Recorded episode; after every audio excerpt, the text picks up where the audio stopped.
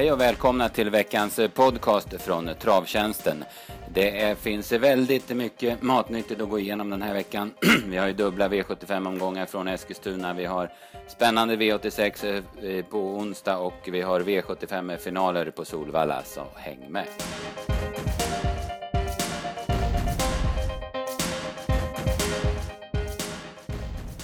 Här kommer veckans podd från Travtjänsten som sagt och jag heter P.A. Johansson och med mig idag är Mattias Spante och eh, vi sätter väl igång Mattias för det finns ju en hel del att prata om. Vi börjar med V75 lördag från Eskilstuna där vi kan säga att vi var ganska bra på det, hade bra drag men fick inte riktigt till det utan det blev sex rätt på slutspelssystemet. Ja, precis att det var. Nej, det var som sagt, det var en del bra drag som trillade in och sådär och det var ju, ja, det var ju smått fantastisk utdelning men ja, det är ju det där med systemkonstruktion också som vi tyvärr inte fick till den här lördagen då. Nej, vi har varit ute för några sådana i veckan och vi återkommer till det. Men vi börjar från i den första avdelningen där det blev skräll. Det blev eh, Örjan Kihlström som vann med Long Night och eh, ja, det var en eh, snygg styrning.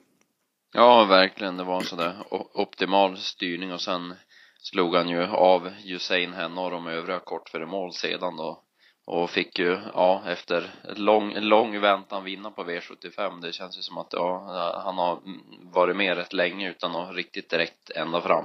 Nej, precis. Det var ju lite enklare motstånd den här gången ska man säga. Och det, alltså han var ju den enda i gänget som var riktig silverdivisionshäst. De andra som hade pengarna på sig, typ som Prince Elliot och Blue Rocket, de är inte riktigt i den kalibern. Och Usain Henna, Next to Nancy och eh, Order to Fly, de var ju relativt färska i klassen och, och stod hårt inne. Så att det, det var lite på lång och trogen tjänst kan man väl säga.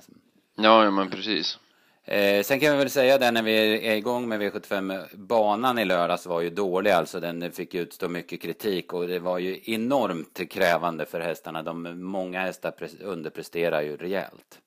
Ja, det var många som var eh, eh klart, klart sämre än normalt med tanke på, på banan och så. Det var ju, ja, det var ingen som vann ifrån ledningen till exempel. Det, det brukar alltid vara någon i alla fall, även om det om det är speciellt på innerspåret och sådär men det var, nej man såg att det var mycket trötta hästar i loppen. Ja, jag pratade med en hel del kuskar på söndag förmiddag och de sa att liksom, den var så krävande, speciellt eh, på rakerna var den väldigt tungsprungen och hästarna ville springa på så de sprang ju som i det tempo de brukar och sen blev de eh, supertrötta så att det var märkliga prestationer. Mm. storfavoriten Josefin Henna, han kom till ledningen och Eh, sen fick han ge sig där. Jag tyckte väl inte det var så mycket att säga om, speciellt med tanke på det där du sa om spets den här dagen. Ja, nej precis. Att det var, jag tror just att man ska ta, eh, ta prestationerna den här dagen med en liten nypa salt, just de som var lite, lite sämre också sådär då i övrigt sen att, ja men banan var som det var men Hussein Henna var väl okej okay, och Next to None Sib hade ju vunnit med med lucka som det såg ut och hade varit spännande att se i spets. Ja, precis. Eh, det, han såg ju grym ut över linjen. Men eh, man får, Björn var ju, även om han sa att han var i, att plana av och köra i spets så, så sa han ju det också att att han kan tänka sig att släppa om Josefin Henna ser bra ut och kommer tidigt och så vidare. Och Josefin Henna såg ju verkligen bra ut. Han värmde ju jättebra så att det, det var ingen konstig tid. Det taktikvalet tycker jag i alla fall. Ja, nej precis. Så har vi den andra avdelningen och där fick vi se en riktig vovve i nummer 10, Day or Night In. Vi hade ju det, vi har ju sett det tidigare att han är bra, men jag tyckte ändå att han var ännu bättre än jag hade förväntat mig.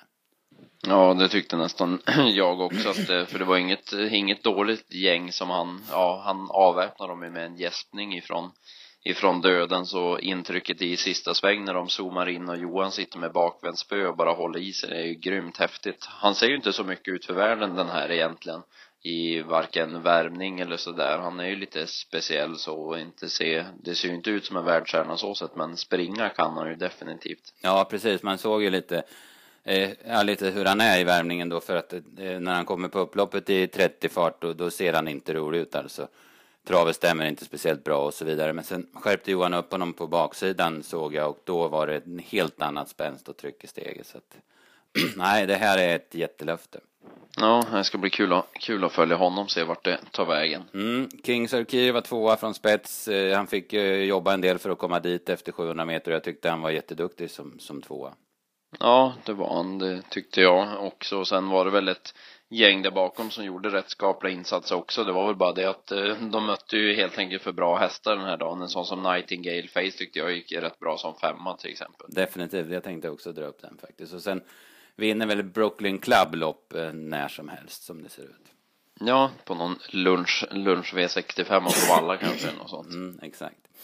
Eh, sen har vi V75 3, där eh, blev det Food Money och eh, ja, även om eh, Även om favoriten Alvena Pelé underpresterar och så vidare så, så gör han en jäkla prestation Food och man måste beundra den här hästen också.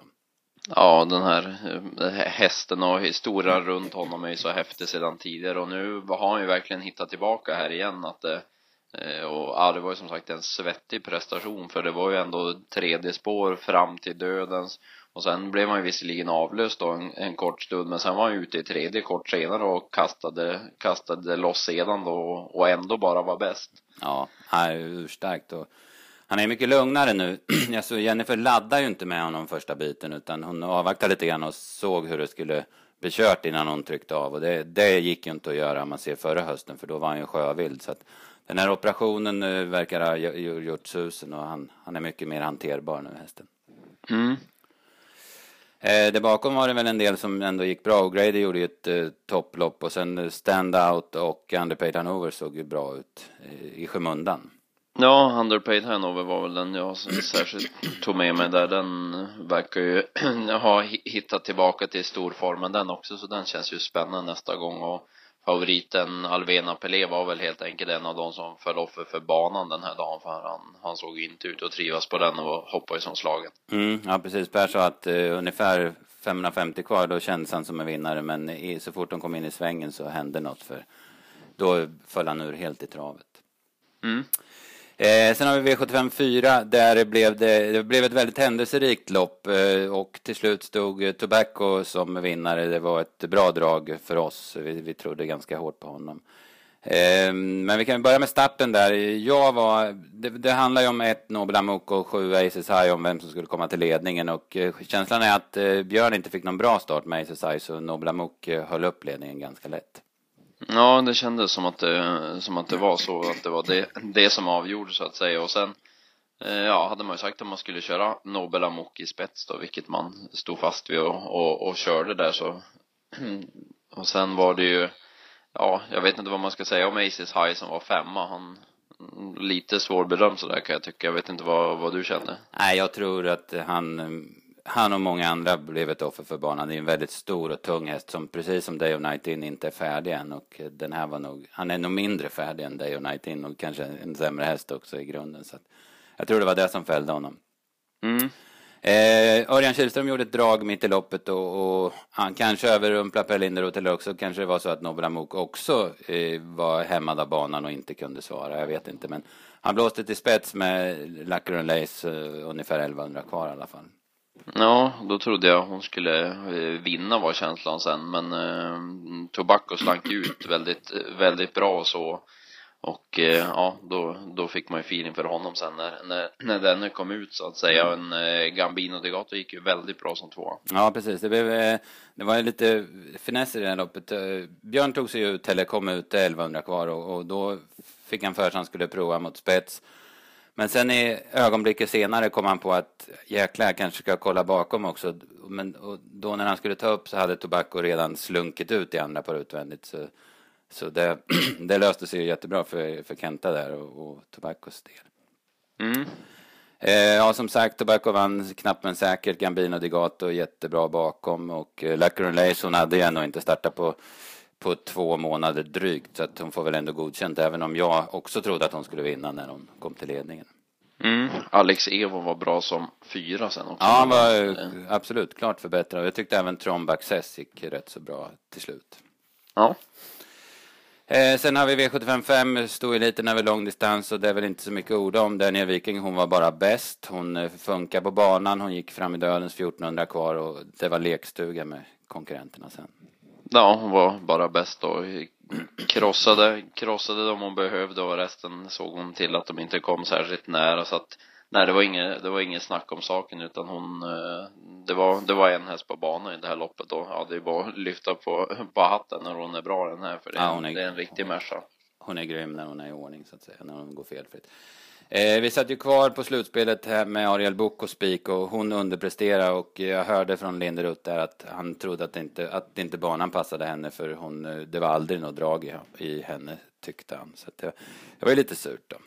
Ja, det var väl en av lördagens stora besvikelser att hon, ja hon såg sig aldrig med chans trots att det var ett litet fält och sådär utan hon, hon såg ju aldrig särskilt kul ut någon gång under vägen så att eh, nej hon, hon kommer igen. Mm. Eh, var positiv som tre tycker jag där.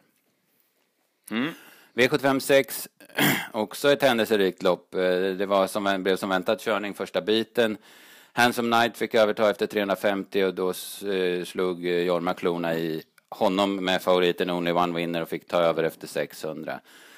Eh, sen var det körning igen från 500 kvar då. Oracle Face, överraskande nog, tycker jag utmanar stenhårt. Eh, men sen blev Only One Winner ensam då Oracle Face galopperade och då trodde man väl att favoriten var hemma. Ja, det var väl feelingen att då, då, var, då var han hemma så att säga, men han, eh, nej, han, han blev väl helt enkelt stum på, på banan och det hade ju varit en jäkla körning där på bortre lång också så det, och det tog ut sin rätt på upploppet så att han trampade ju verkligen luft och så kom de på bred front där bakom. Ja, han stod still 150 kvar. Då. Och eh, ja, en, eh, en vars hästar trivs då det är krävande förutsättningar, det är Flemming Jensens och Even First Boy. Trots att det var kort distans så eh, avväpnade han dem ganska enkelt till slut. Det var ju en eh, poddvinnare från, från förra veckan som, som skrällde kan man väl säga. Ja, ja precis att det var och han, eh, han hade ju problem där när det gick fort på, på bortre lång för han, han hade man ju inte velat ha spelat 600-700 kvar där då såg ju han rätt seg ut där när han var ute i tredje och provade men han är ju, han är ju rejäl och går hela vägen så att han, han kom ju tillbaka sen och gjorde en riktigt bra insats som höll undan för Ski to the Max sedan då. Mm, ja, precis. Det, de två spurtar ju jättebra båda två. Då, alltså. Sen kan jag nämna Oracle Face hörde att eh, Ludde hade, man hade lämnat bootsen i, i stallet eh, efter värmningen tydligen på Oracle Face och de, de hade han velat ha på där i sista sväng sen. Så att eh, det var nog där, där segern rök för, för hans del så att eh, Oracle Face ska man nog passa nästa gång Ja, för han- han, hade väl vunnit var känslan som han gick efter galoppen Ja, precis. Och det var ju ja, en jättedålig uppgift åt honom det här. Han stod så stenhårt inne och allting. Så att, eh, ja och gick med skor dessutom så att, Dessutom det. Han är väl med på, på lördag? är han väl? mm. Eh, så var det avslutningen då och eh, jag som var på plats och kollade värmningen var väl rätt säker på att eh, Dark X-Ray skulle vinna det loppet efter uppvärmningen. Han såg ut som han var i en annan klass än de andra tyckte jag. Men, men han gick inte ett steg i loppet och ja, det var väl banan där med misstänker jag. Ja, det tror jag också att det, för jag var ju också på plats på Eskils och tyckte att det var en häst som stack ut efter värmningen också, men det, nej, det var som aldrig något tryck eller go i honom alls, utan det blev istället Spicy Aro som fick eh, gå förbi en tapper neon face sista stegen. Mm, de var tipsetta Spice A hos oss och det, det kan man säga, det var uträknat. Det, det kan i alla fall aldrig lösa sig bättre i loppet. Han eh, går ner i fjärde par in efter första sväng då Spicy A hänger väldigt töm och kan inte gå i andra spår helt enkelt. Och sen från fjärde in så försvann den ena åt det ena hållet och den andra åt andra hållet så var det ryggledaren eh, i sista sväng och så vart, kom luckan 250 kvar och så var han, kopplade han grepp på 100 kvar och höll det över mål och sen föll han ur och så metern efter var han väl utkontrad som det såg ut. Ja, ja precis att det var, när det var, det blev, det blev perfekt för hans del så att det, eh, det var en del, en del tur med i bilden också så att säga. Det kan man säga. Neon, Neon Face funkar på bortaplan också. Eh, Hon travade inte perfekt, men det kan ju ha varit banan. Men hon höll ju jättetappert i ledningen. Ja, hon tyckte jag var riktigt bra. Det var väl en, det var en häst som vi inte hade någon, någon större feeling för som betrodd, men hon, hon var klart positiv och eh, fortsatte göra bra lopp. Mm. Cinnamon Prince spurtade jättebra medan eh, streckfavoriten Global Race Course inte såg ut att trivas speciellt bra den här lördagen, vare sig innan eller i provstarten eller i loppet. Och så hoppade han 300 kvar. Han, kanske, han var väl inte tom, men eh, det gick helt enkelt inte längre då. Nej. Nej. Ja, en väldigt händelserik dag. Synd bara att banan hade så stor betydelse kan jag tycka på, på vad som skedde och hände där. Men vi hade ju några toppar definitivt. Johan Untersteiners Day och Night In och Food Money kanske var de två, två främsta.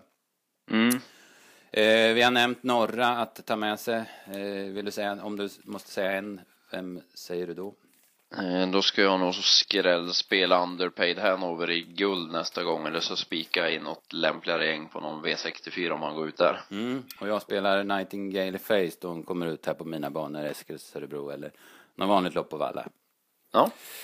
Så eh, var det British Grand-finaler på söndagen och eh, då var det lite ja, bättre förhållanden. Banan var lite fastare och det var hästarna, de som skulle vara bra, presterade också så att säga. Och, eh, ja, det var ju kul att det var bättre förutsättningar på söndagen i varje fall. Att, eh, för man vill ju särskilt i, i de här årgångsloppen och större racen, att då vill man ju då definitivt att det ska vara bra bana i alla fall. Och ja, den var ju bättre på söndagen i alla fall. Mm. Men vi fick en skräll till att börja med då Pacific Broline eh, funkade, hade form igen och gjorde ett kanonlopp och plockade ner en oerhört tapper Ridley Express på, på Ritzen. Ja, det var ett, ett häftigt, häftigt race i första och det var ju eh, ja, under hela loppets gång så trodde jag att Heavy Sound skulle vinna och sen tänkte jag att nej, det är ingen som tar Ridley Express idag heller in på, in på upploppet där. Men då kom Pacific Broline och han var ju grymt bra som lyckades fånga Ridley Express precis på linjen då. Mm, ja, precis. Han, han hade en bit fram 125 kvar men eh, sen tar det mycket och sen så, så sträcker Ridley Express på sig så det blir ändå stenhårt i mål. Eh, överbetyg till eh, de två förstnämnda och gott betyg till Heavy Sound även om man kanske eh, som du säger hade trott att han skulle vinna efter den fina resa som Kenneth Haugstad, Haugstad serverade honom. Ja, precis. Så att, uh, det hade varit lite intressant att se om Ridley Express hade fått ha Pacific Broline sida sida. Det, då tror jag att Ridley Express vinner faktiskt. Ja, han kan vara lite missgynnad att han kom en liten bit utanför honom. Precis, han såg nog inte först när han kom och sen så när, när Jorma upptäckte det, eller ja, när Jorma bad om det, det sista, då, då fanns det lite, lite sparat ändå. Alltså. Ja, lille Flash Håleryd var ju annars bra som fyra ja, där bakom. jäklar vad han gick till slut. Den har, den har verkligen höjt sig. Jag vet, mm. jag pratade med Peter Untersteiner inför, det var väl inför Axevalla tror jag om jag inte minns fel nu, men när han hade spår 8 där och mötte flera av de bra hästarna. Då sa han, ja, han, han, gör, han gör det ju bra den här lille krigaren, sa han. Men eh, ja, det räcker ju inte så långt när de andra är jättebra då. Men han, han, han får ta de här stegen till förhoppningsvis. Och det har han ju verkligen gjort nu efter det. Han har ju gått jättebra flera gånger. Ja, precis. Ja, det var en vass spurt. Så har vi V75 2, det var ett lärenslopp. lopp. Eh, det kan vi väl sammanfatta med att Stoms Mia som vann var jättetapper ifrån dödens medan favoriten Bianca Am var en rejäl besvikelse. Ja, hon, eh, hon floppade ju rejält med, med den resan som hon fick så tänkte man när, när Oskar gick ut i tredje spår att ja, hon vinner med 50 meter men eh, det var inget tryck alls i henne när han väl gick ut och nej, det måste ha varit något som något som inte stod rätt till där. Oskar visste inte riktigt själv vad, vad, varför hon var dålig efteråt utan hon, hon var nog sjuk helt enkelt mm. så, så måste det ha varit. Mm, jag läste på Twitter att hon hade ganska hög puls, onormalt hög puls efter loppet så att det var nog något som spökade. Ja, Olivia Trott var ju annars den som spurtade väldigt bra längst ut i banan. Den, eh, den tog jag med mig. Mm, absolut. V75 3 då kom väl, det var väl kanske vårat stora drag den här söndagsomgången, Trinity Set. Vi puffar ju våldsamt för henne på podden. Ni nämnde henne både du och Andreas och Fernlund. Så att det var en skön vinnare när hon bara mosade dem på baksidan och försvann till överlägsen seger. Ja, det var, det var en sån där riktig klaring som man brukar säga. Hon var, nej, hon var bara bäst och ja, det, det kändes som att det var hennes tur nu också. Ja, definitivt. Det var ju skönt att de fick till det i ett stort lopp också. Mm. Eh, där bakom var det väl inte så mycket. De gjorde habila prestationer kan man väl säga. Den som var väldigt positiv tycker jag var Catwalk In. Hon hade väl gott om krafter kvar också. Ja, det var väl den man, eh, den man tyckte där bakom så där som var bra. Man såg väl nu lite grann på en sån som Evin Boko att hon har haft en tuff säsong och många tuffa lopp så där. Mm. Hon, hon gick ju okej okay, men det, det är tufft att vara jättebra just i alla finaler. Så ja, det... speciellt hon som, som har fått gjort det i spåren hela tiden också. Så. Ja, ja, men precis. Iponema var ju en värmning som stack ut och hon var ju i förhållande till vad hon har gjort tidigare i år så var hon jättepositiv som, som fyra också. Så det verkar Ja, verkligen. Mm.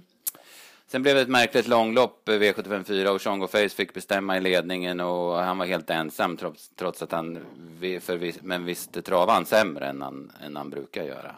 Ja, det tyckte jag också att han gjorde sådär, men det var ju som, ja, han blev ju som aldrig utmanad riktigt utan eh, fick ju vinna lite på, på kapaciteten så att säga och hur, hur bra han är när han mm. fick bestämma. Men känslan var att han inte riktigt var som bäst som sagt. Nej. Eh, Kendall Hall kom aldrig till. Det var väl kanske inte den viktigaste uppgiften han hade här i livet. Eh, OPQC tycker jag var positiv. Han har ju varit lite sämre den här gången, men jag tycker han var bra som tre. Han fick göra lite jobb i spåren de sista 600 också. Ja, den tycker jag också var bra. Hopp, V75 5. Då hade vi en ny poddvinnare och ett bra drag i Treasure Kronos som, eh, ja hon fick en bra resa den här gången och, och plockade ner urtappra Princess Face kort före mål. Det var ja. rätt fränt där.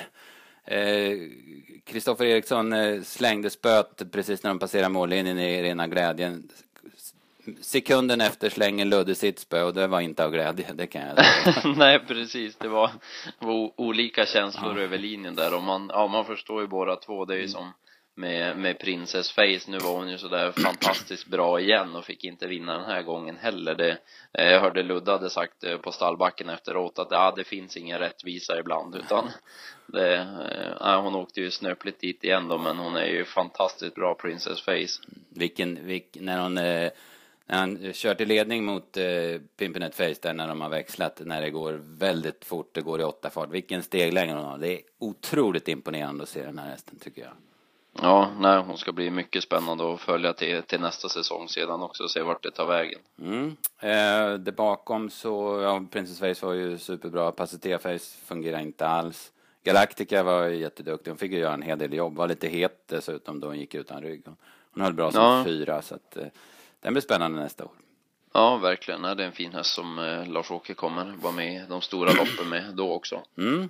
Eh, V75 6, eh, det var ett eh, storlopp där eh, finska Velvet Girl var, hon var bra. Det var, hon fick ju gå i tredje sista 800 och fick visserligen draghjälp, men jag vet inte hur mycket draghjälp det var för Björn körde ju våldsamt med CC Queen eh, där så, så, men sen så, så höll hon farten bäst, Velvet Girl.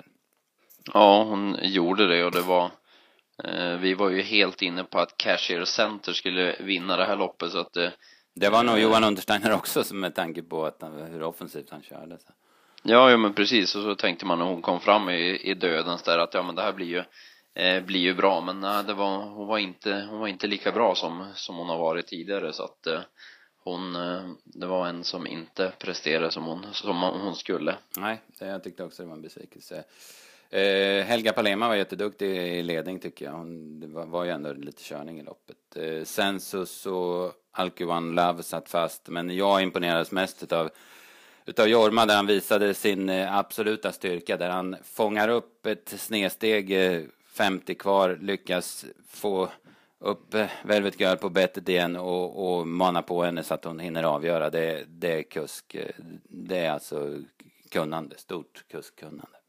Ja, den, den gör inte många om och det var, ja, det var riktigt, riktigt snyggt att se och sen eh, tror jag att Kiki The Dancer är stenklar nästa gång hon kommer ut. Hon eh, fick ju backa sist och sen styrde hon dem i mål som sexa och det är verkligen hennes årstid nu så att hon vinner när hon kommer ut nästa gång som hon såg ut. Mm, han har ju pratat om det Truls också, att han är besviken att hon inte får till att hon inte har något flyt.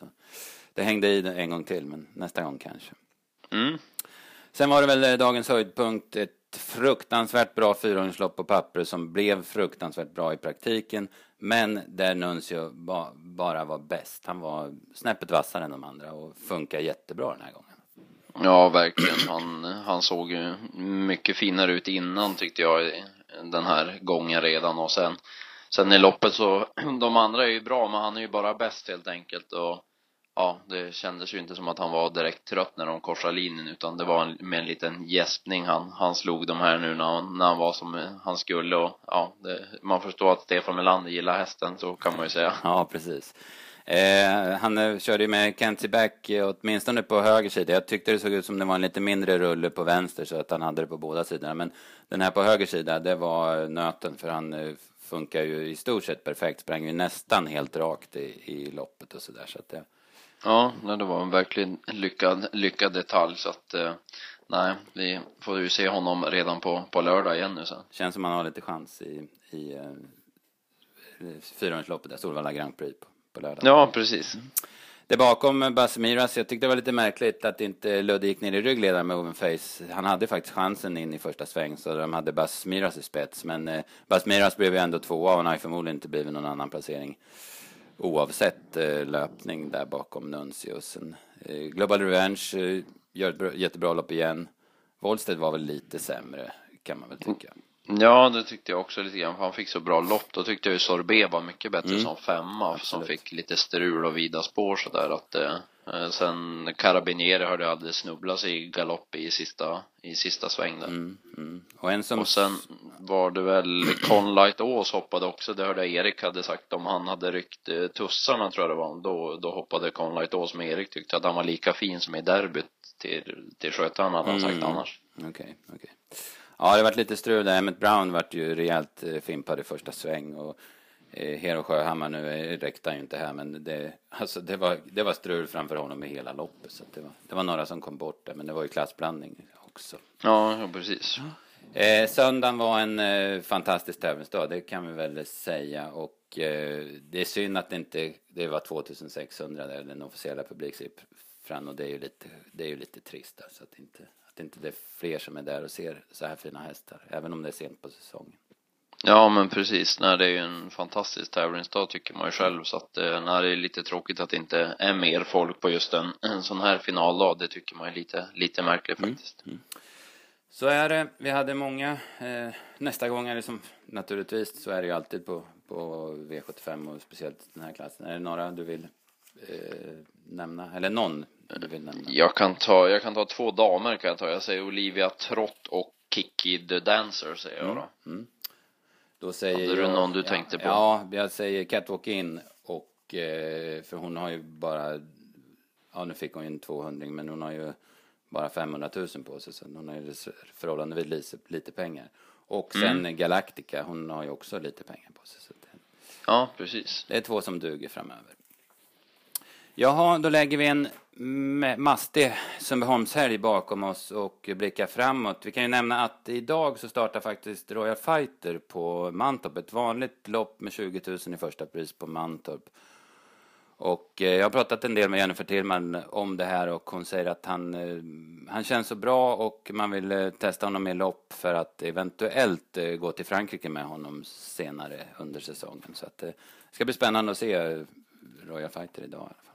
Ja, Eh, sen har vi onsdag. Då är det Bergsåker och Solvalla som delar på V86 och eh, eh ja, vi har väl börjat titta en del på det eh, och det ser svårt ut måste jag säga. Speciellt Bergsåkersloppen ser öppna ut ja verkligen så att eh, nej, där får vi verkligen in i arkivet och grotta ner oss och ja, som, som vanligt på V86 så brukar det inte behöva hända så mycket för att det ska bli stor utdelning och då när det ser, ser svårt ut på förhand dessutom så då törs man ju nästan lova att det blir bra utdelning. Ja, precis. Det är känslan att det kommer bli. Det är väl Star Advisor Jolie är väl bara att spika från bra förutsättningar över kort distans och lite halvljummet motstånd som det känns.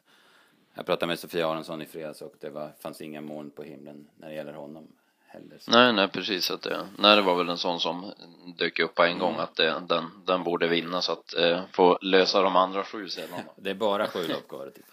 ja. Ja, vi kämpar på i arkivet med det och släpper tipsen klockan 14 på onsdag. Och sen har vi en tävlingsdag som man brukar se fram emot, de här höstfinalerna på V75-finalerna på Valla. Det var, jag minns förra året, det var ju såna, det var ju sån körning i loppen, det var ju såna fantastiska lopp. Och, eh, på pappret ser det ut att bli en kanondag på nytt på, på onsdag. Det är väldigt bra namn i startlistorna.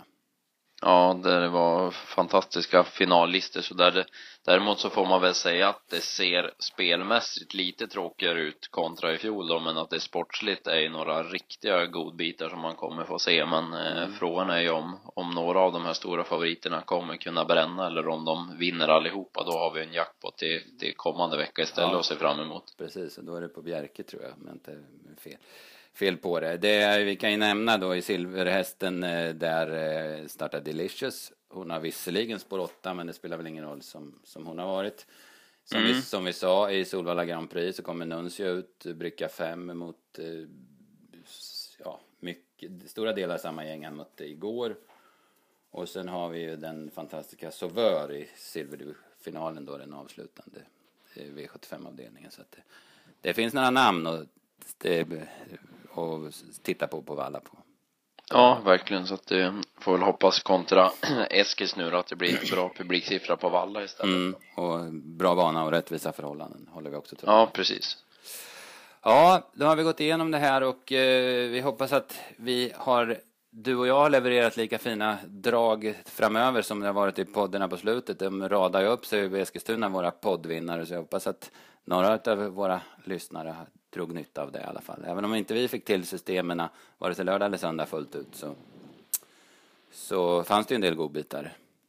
Ja, det har funnits en hel, en hel del som har radat upp sig, så vi får hoppas att det håller i sig. Det har ju varit lite samma med nyhetsbrevet där också som man kan regga sig på vår hemsida travtjänsten.se. Det har ju varit samma där, att det har varit flera, flera vinnare i rad just på, på det också. Så att nej, man får följa oss i alla kanaler. Som, som vi har sagt tidigare, gör det, gör det. Ja, då får vi väl sätta punkt för detta. Det var mycket och det blev långt, men så är det ibland. Eh, tack för idag Mattias, så hörs vi vidare. Vi ska säga också att våra V75-tips släpper vi som vanligt fredag klockan 15. Ja, precis. Tack!